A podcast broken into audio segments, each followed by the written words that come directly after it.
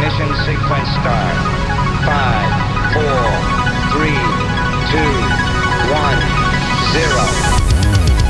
Quantum leap. Saut quantique.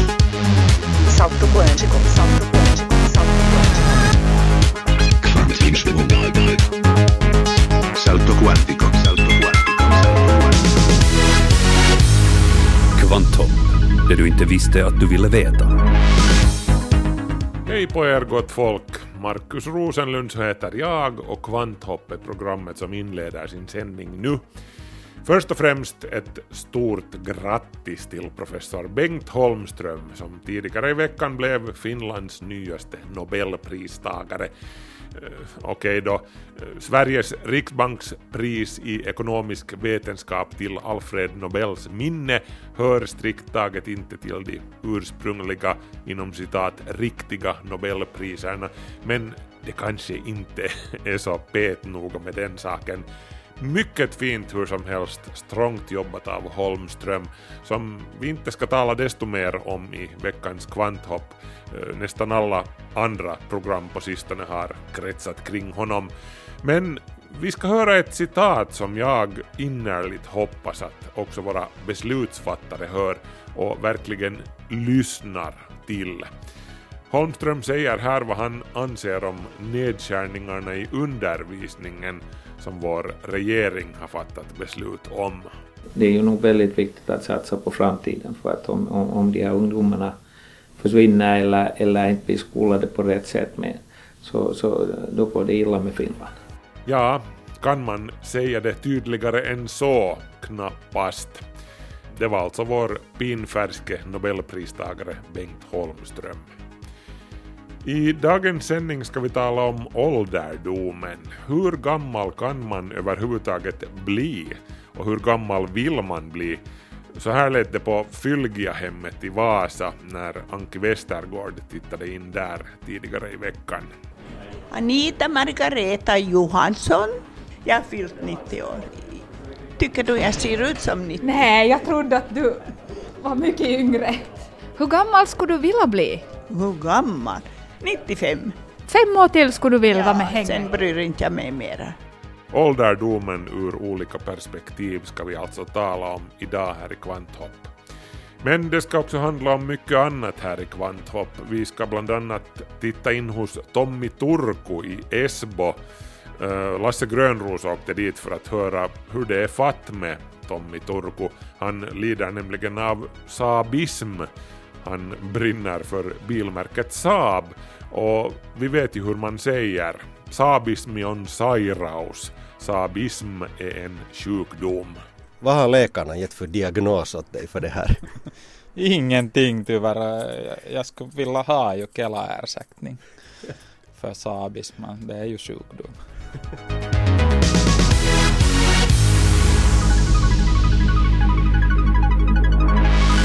Sådant idag och mycket annat också. Vi ska bland annat kolla in utsikterna för de kommande två åren då Finland nu i vår tar över ordförandeskapet i det så kallade Arktiska rådet. Då skulle det ju gälla att slå omvärlden med häpnad med vår arktiska expertis. Vad det innebär hör du lite senare här i Kvanthopp. Nu är det dags för notiserna.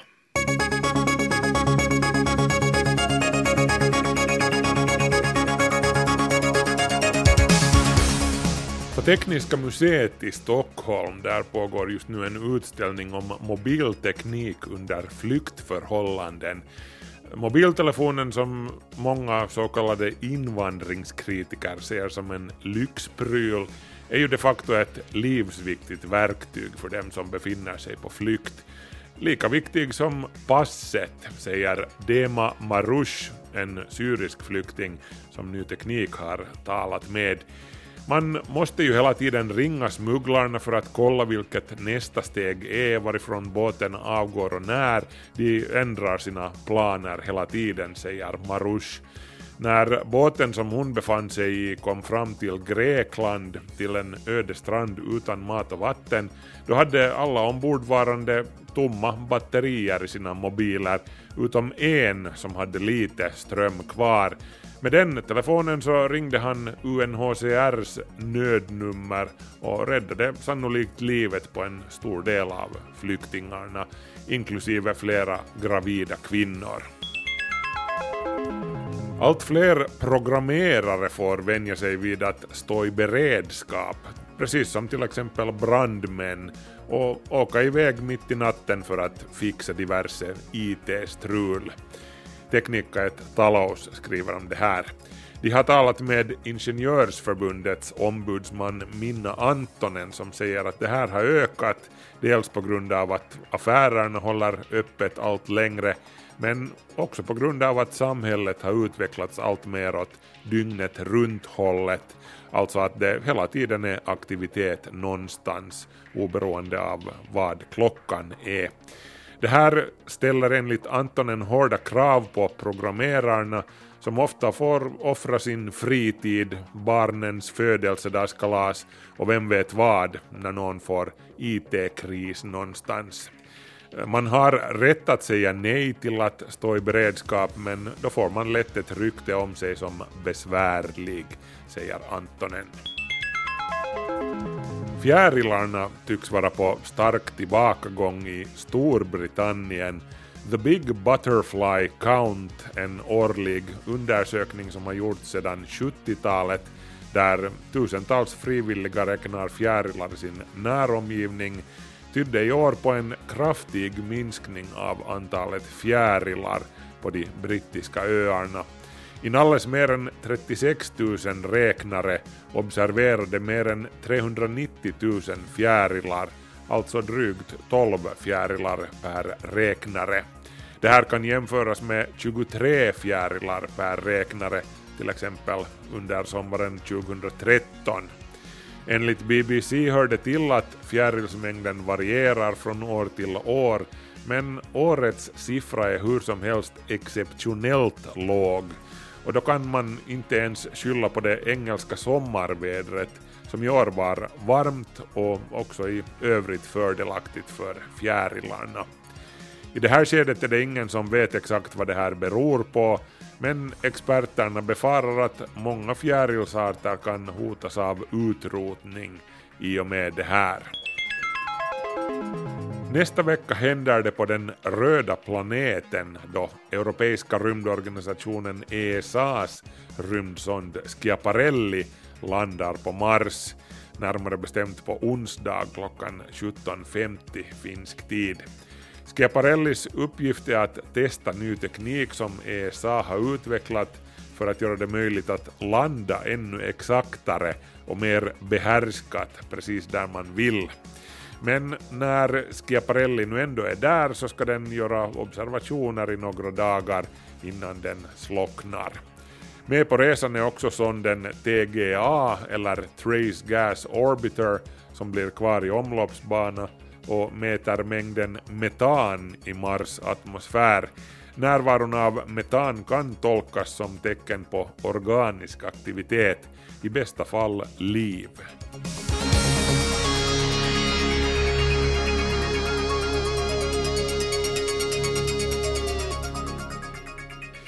Hur gammal är det överhuvudtaget möjligt att bli? Nå, rekordet just nu innehas av fransyskan Jeanne Calment. Hon blev 122 år gammal innan hon slutligen fick besök av liemannen. Det här skedde 1997.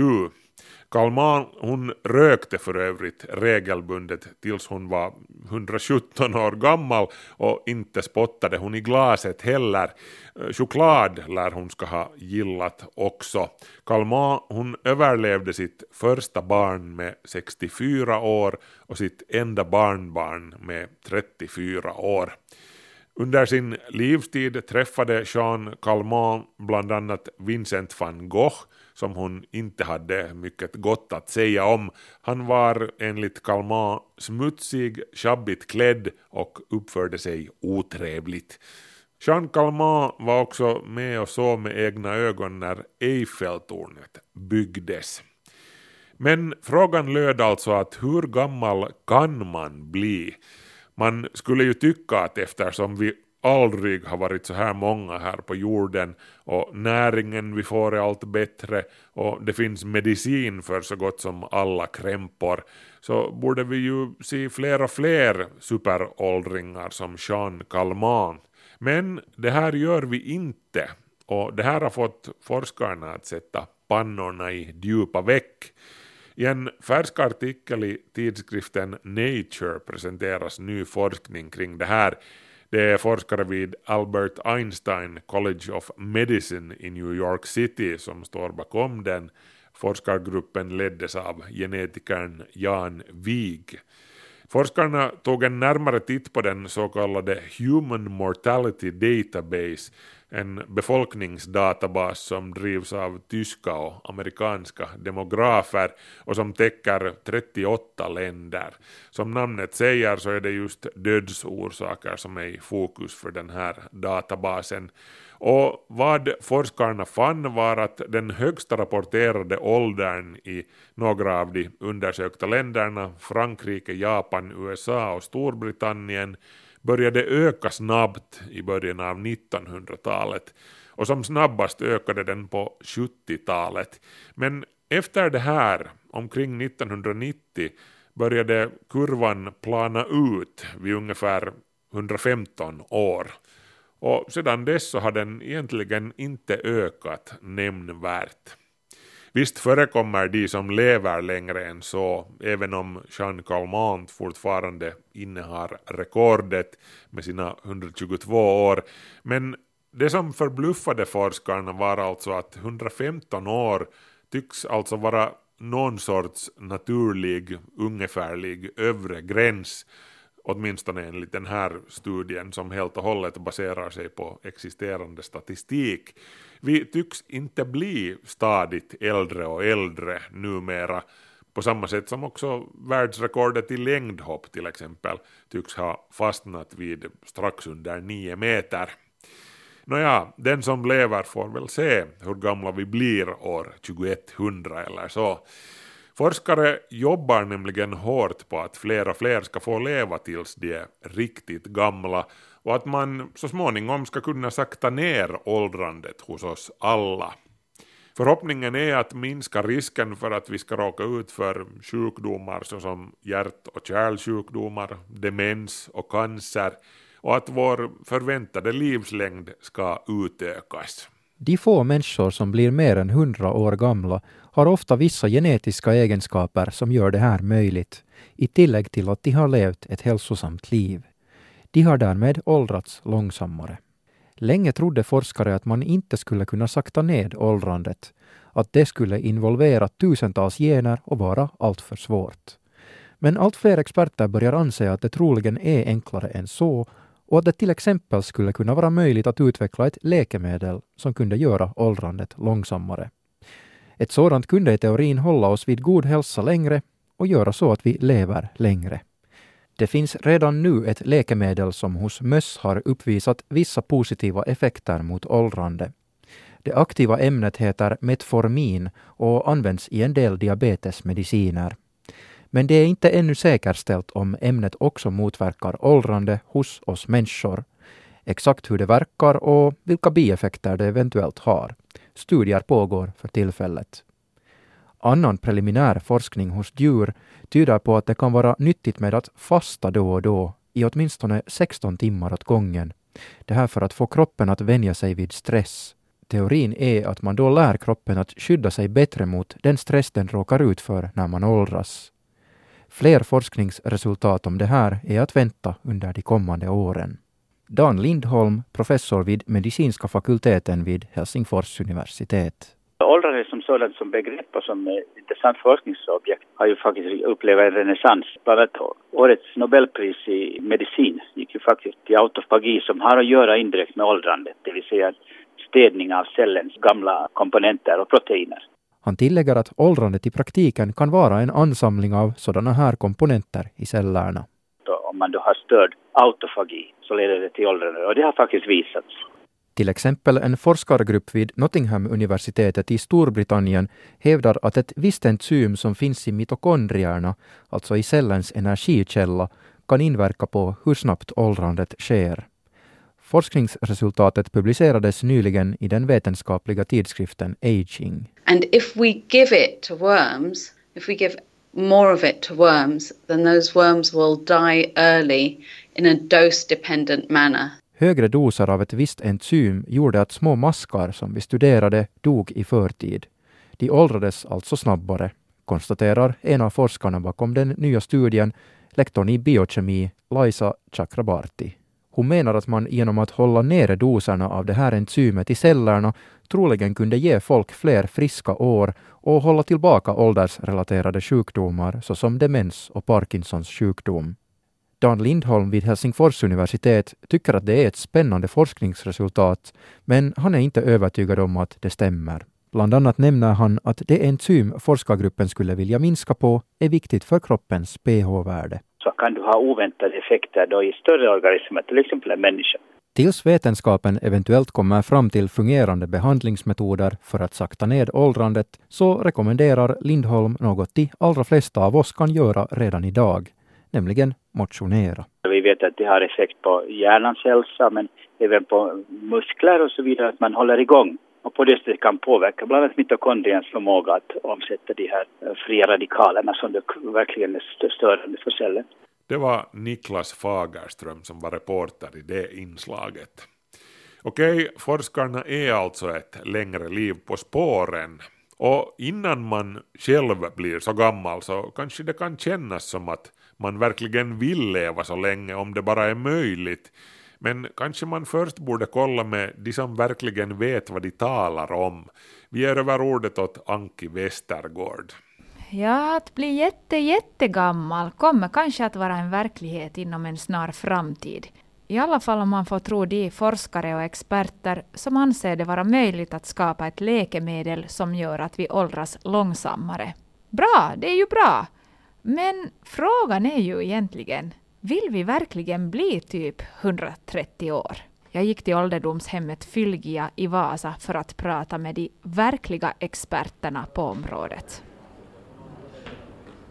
Anita Margareta Johansson. Jag har fyllt 90 år. Tycker du jag ser ut som 90? Nej, jag trodde att du var mycket yngre. Hur gammal skulle du vilja bli? Hur gammal? 95.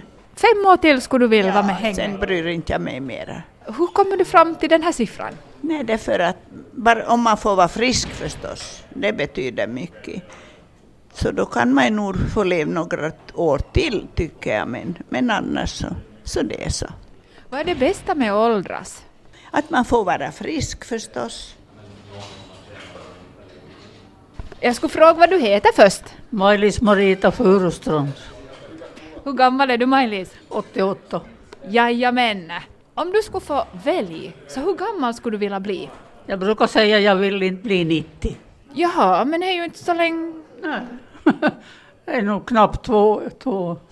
Men du är nöjd så här då? Ja, så långt ja. Då blir man nog friskare i alla fall med åren. Inte. Nej, väl så.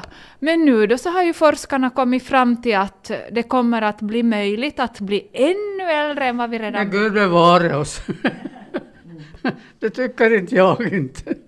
Nej. Absolut inte. Det finns så mycket folk i världen redan. Det behöver det bli något inte. Men känns inte som att du skulle vilja som häng med och se vart den här världen är på väg då, lite till? No, men hur länge ska jag hänga med då? Tills jag blir 200 år då kanske. Vad var ditt namn? Inga Rosenberg. Oj. Född Gammelgård. 90 år. Nå, nu ser ni nog ung ut här på Fylge. Vad har de i maten här? Jag vet inte vad vi har i maten men bra mår vi. Men hur gammal skulle du vilja bli om du skulle få välja? Ja, det har jag svårt att, att, att säga för att det beror alldeles på hur man orkar. Men om du skulle få vara frisk? Ja, nå, nu skulle jag vara, vara gärna längre då, såklart. Men jag har varit ganska frisk, det måste jag nog säga. Mm, så du har sett och, och upplevt? Ja, jag har nog gjort det. Nå, är det något som du tänker att det här skulle jag nog ännu vilja hinna med? Men nu skulle det ju vara roligt att fara till berget då och då. Till er sommarstuga? Ja, då, den är såld men jag har ju slä- släkten där också. Vad var ditt namn? Elin Tors. Elin Tors. Och du, jag hörde att du fyller 100 år i januari. Ja, det säger det, men själv tycker jag jag ska fylla 99. Men Elin, uh, vad är hemligheten bakom ett så här långt liv? Ja, ganska bra och så har jag haft bra humör. Bra humör? Ja, det säger jag själv. Får jag fråga en så här fråga du att hur gammal skulle du vilja bli? Nu blir du 100, vad är målet? Ja, inte vill jag bli då äldre. Det räcker med det. Uh, om det skulle finnas någon sån här medicin att man skulle kunna bli äldre, tycker du att det skulle vara bra eller dåligt? Nej, det skulle inte jag bry mig om. Nej.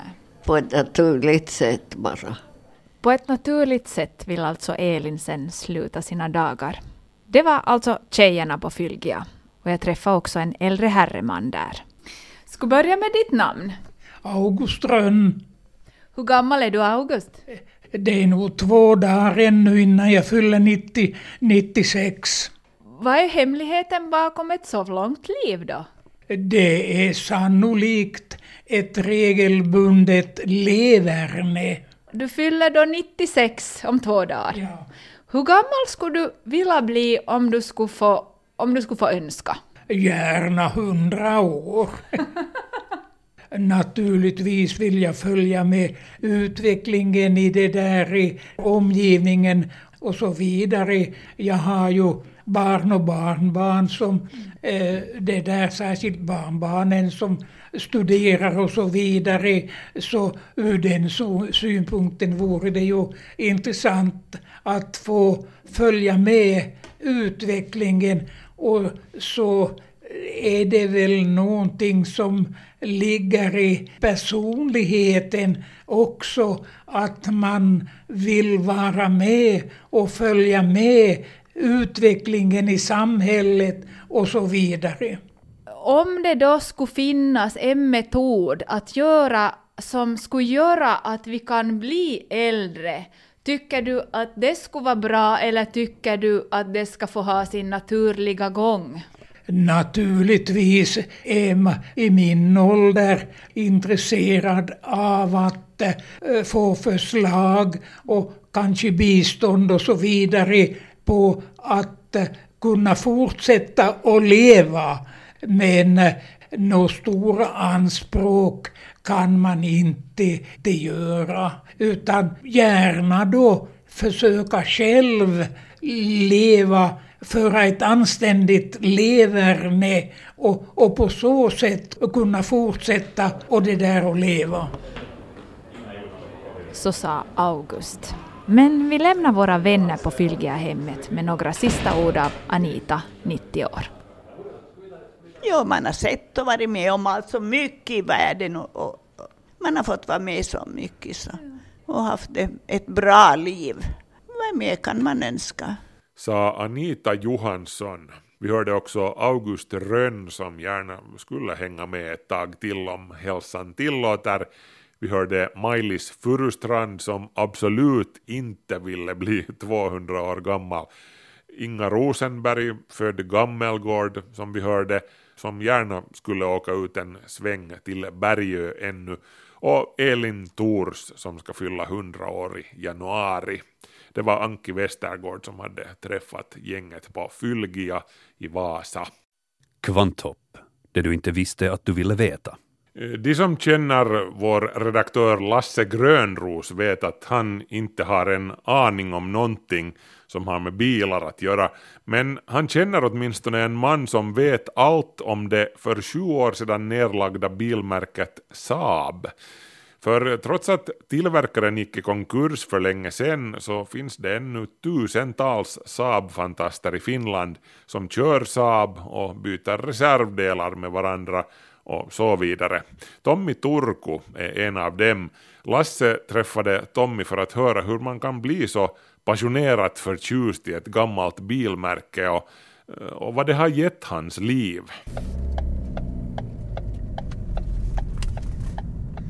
Jag är på väg till Esbo för att träffa en man som fullständigt har förälskat sig i någonting immateriellt, nämligen Saab-bilar. Tommy Turku älskar Saab. Saab i alla dess former och färger. Jag är fascinerad över det här. Varför just Saab av alla intressen i hela världen?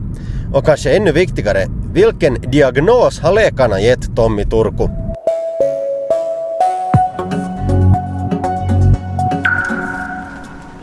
Som du ser så här är inte så hemskt mycket nu. Jag borde tömma Här är en massa bildäck. Ja, jag borde få det här cabrioleten hit in ännu det här vintern. Måste lite fixa. Men vi tar det viktigaste först. Att vad har läkarna gett för diagnos åt dig för det här? Ingenting tyvärr. Jag- skulle vilja ha ju Kela-ersättning för sabis, men det är ju sjukdom. Hur många Saabar har du? Jag har bara två nu, men jag tror att jag hade som mest var det fem eller fem samtidigt. Jag är en uh, diplomingenjör, jobbar på en större finländsk firma som lagar lyftkranar och var jag 36 år gammal nu. Har kört med Saabar 11 år nu. Och före detta hade vi ingen inga Saabar i familjen eller något. Jag är så att säga första i vår och min familj som har köpt Saabar. Och nu kör min pappa också Saab och min bror kör också med Saab. Så att jag har lite spridit ut det här också. Nå, vad tycker din egen familj om ditt intresse då? No, flickorna tycker om Saabar. Men nu säger de när de är så små att det är mera, nästan mest färgen av bilen som intresserar. Men jag har en cabrioletbil så den älskar de nog. Um, no, frun är inte så in, intresserad alls av bilar och hon tycker att jag är ju helt galen. Varför just Saab av alla bilar? Det är av en slump egentligen att jag träffade med eh, Saabar. Att det hände 11 år sedan när vi skaffade en hund så tänkte jag att jag studerade då och fru, min nuvarande fru studerade och vi tänkte skaffa en äh, sommarbil. Jag råkade bara hitta här nära en gammal Saab 900 från 80-talet och köpte den bilen och av den sen fortsatt det här. På något sätt känns det där gamla Saaben redan sånt att det var jättebra att köra fast det var i dålig skick utåt. Och det syns i det där redan i 80-talets Saab att det var liksom väl eh, gjort för, för just kusken och, och det var ett riktigt bra kör. Vad är det som hänger här i taket ovanför ditt huvud? No, här är en eh, bakbumper. Så det här är till min eh, det här användsbil, en Saab 95 2010 års modell, den sista nya modellen egentligen som såldes i Finland före Saab gick i konkurs. Ska vi ut och titta lite? Minns du ännu, var befann du dig när du fick veta att Saab har gått i konkurs? Nej, faktiskt inte. Jag minns inte den. Men jag minns, jag minns nog att när vi, när vi var, att jag har varit med och demonstrera. Vi hade såna här Save Saab med Finlands Saab-klubben. Så vi var i Helsingfors centrum och dit samlades säkert hundratals Saabar och Saab-vänner att demonstrera. Ge support för Saaben som brand att den skulle få fortsätta då. Berätta lite om den här Saab-klubben. Saab-klubb är väl Finlands största bilmärkeklubb. Vi har ungefär 3600 kanske aktiva medlemmar i klubben. Det är mycket det. Det är jättestort. Ja, och om det skulle bli en ny medlem, jag tror att det är nära 8000 nu det här medlemsnummer som du skulle få. Så att det är, det är ganska stort och människor har efter att Saab gick konkursen så det märktes också på Saab Clubs sida så att vi fick mera och har fått mera medlemmar. Nå, hur socialt är det här Saab-diggande då i Finland? Det är jättesocialt att uh, Saabar är bra bilar just att ha som hobbybilar. Det finns riktigt aktiv Saab-kommun i Finland. Man får massa hjälp av andra. Vi har ganska aktivt Saab-forum. Sen har vi lokala Saab-träffar och sen har vi sådana större evenemang två, tre gånger per år. Och sen får man också en tidning fyra gånger per år hem. Saabisti. Saabisti, ja. Nu, hur viktigt är det för dig då det här att, att det finns likasinnade, att det finns andra som du kan umgås med? No, det, är en, det är en del av det här hobbyn också förstås. Att uh, man får hjälp och sen man hittar andra som tänker på samma sätt. Så, no, ja, det är en, en del av det. Och just det där att om man vill själv laga bilen och, och tona den eller vad annat reparera själv så man får jättelätt information och, och hjälp också. Jag har till exempel en Saabs sån här material som de här servicefirmor har. Så att jag kan titta, titta från datorn att hur man fixar och, och sen har jag en sån här felgårdsläsare som de använder också i Saab Service. Har du nycklarna? Ska vi sätta Ja. oss i bilen? Ja. Nåja.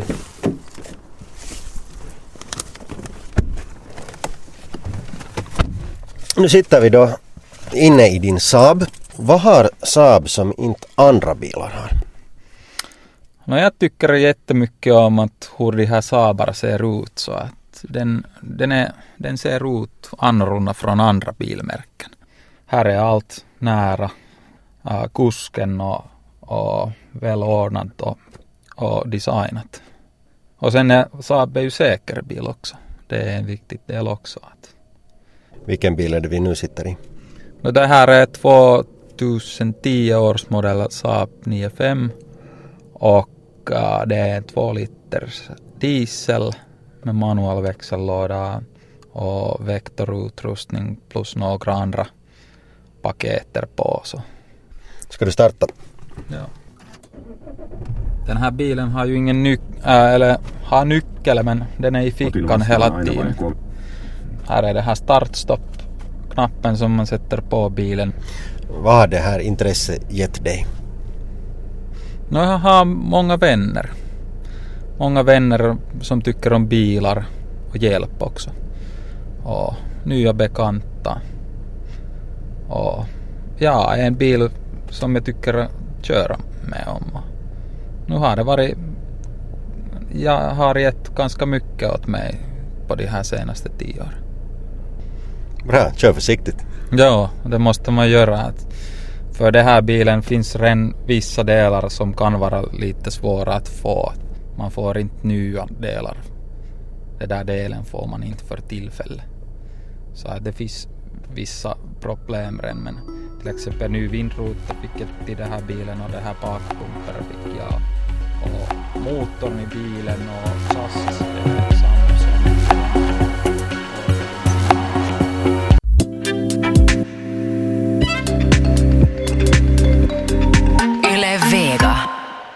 Nu ska det handla om vårt läge här uppe på övre delen av jordklotet. Vi är ju inte ensamma om att bo så här långt norrut.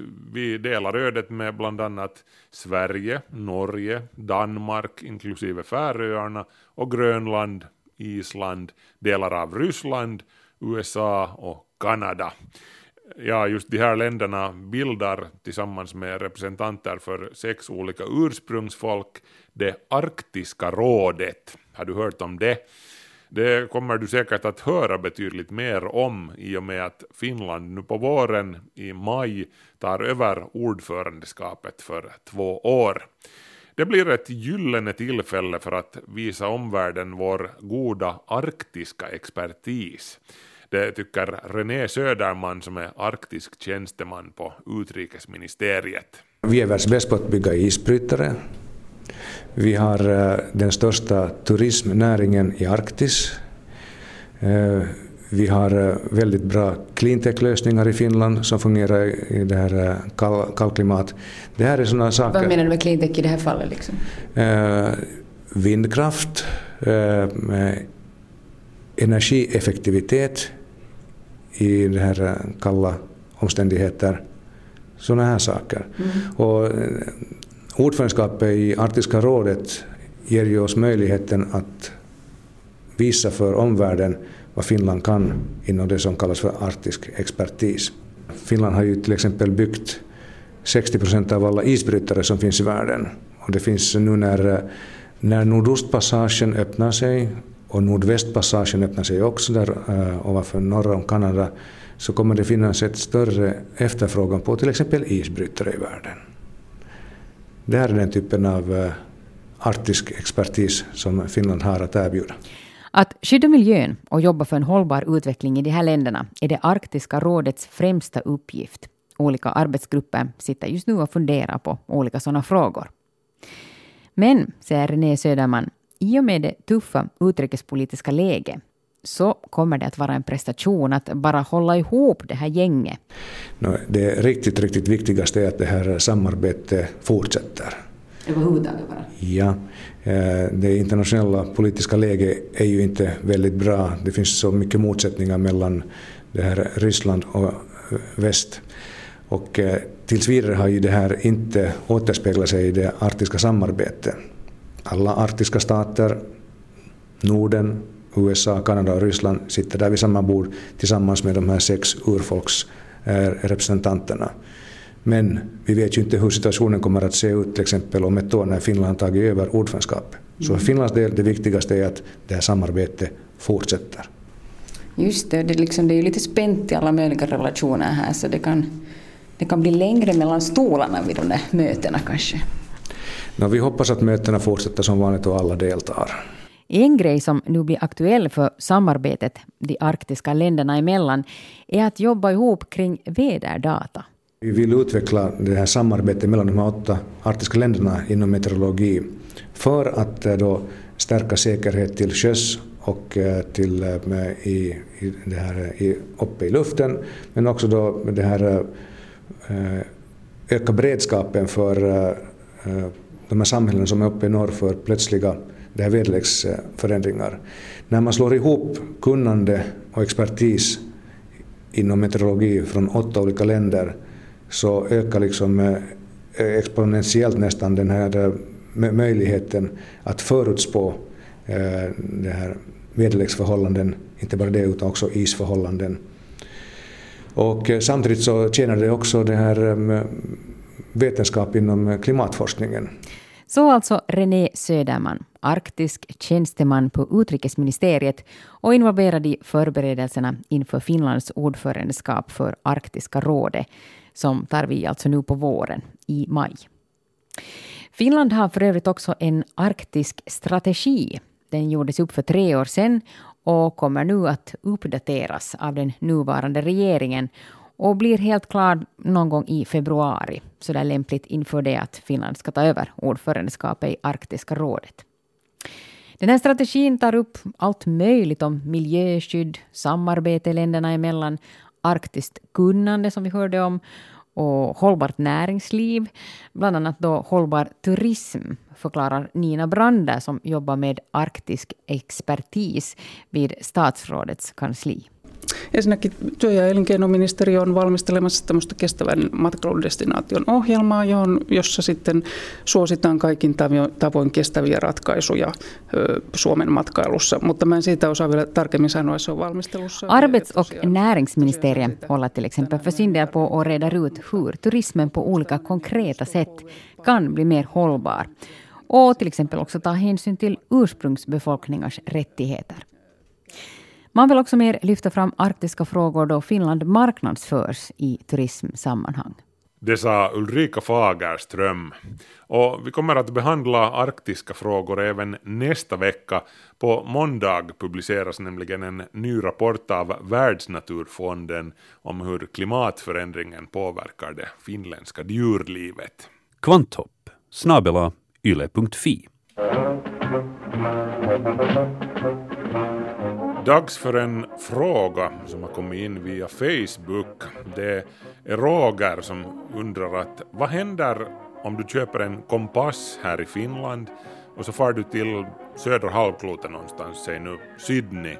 Vartåt kommer kompassnålen att peka då? Kommer den här röda ändan av nålen som här i norr pekar mot norr, kommer den då att peka mot söder?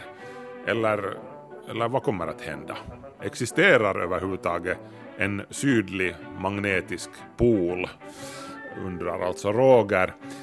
Och jo, Roger, den magnetiska sydpolen finns nog. Och en kompass som du har köpt i Helsingfors, den kommer alltså att visa fel om du far till Sydney med den. Men inte så att den röda ändan av nålen pekar söderut. Den kommer fortfarande nog att peka norrut, men kompassen blir ändå råddig på grund av att um, kompasser anpassade till norra halvklotet har nålen balanserad enligt att det är norr som är starkare, som drar starkare i nålen alltså.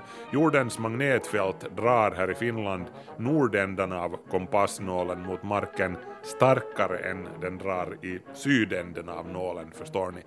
Sydänden av nålen har därför en motvikt så att nålen hålls i balans.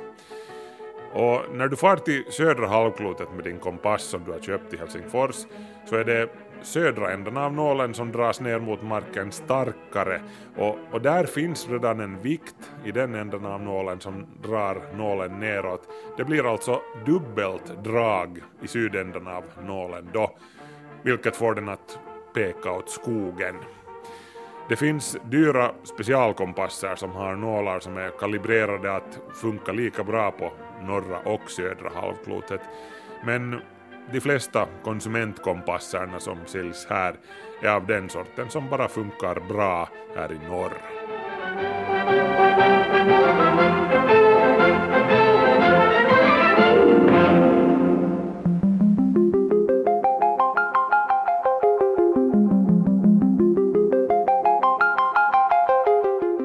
Telefontillverkaren Samsung har varit i rubrikerna på sistone sedan deras telefon Note 7 blev känd för att spontant fatta eld. Nerdsajten Mashable har några goda råd för dig om din telefon skulle börja brinna och det här gäller också andra telefonmärken än Samsung. Råd nummer ett, avlägsna dig från telefonen. Om den börjar ryka så då är det för sent, då kan du inte göra någonting längre. Röken är dessutom giftig så gå bara längre bort från luren. Nummer två, försök inte släcka telefonen. Har du ett ämbar med sand nära dig så kan du hälla sanden på den, men häll inte vatten för det kan reagera med kemikalierna i telefonen och det vill du inte. Och nummer tre, försök inte flytta telefonen om den nu inte hotar bränna upp hela huset eller någonting. Den blir nämligen väldigt het och du riskerar få brännskador på fingrarna. Uj då, det här låter ju inte bra alls, men den positiva sidan här är att risken för att just din telefon ska fatta eld är en på 10 miljoner. Det är alltså väldigt sällsynt att det händer. Kvanthopp, det du inte visste att du ville veta. Och det var allt som vi hade att bjuda på för den här veckan, men vi finns ju på arenan och på Facebook om ni får ledsamt tills vi hörs igen. Markus Rosenlund så heter jag. Ha det gott, vi hörs, hej så länge.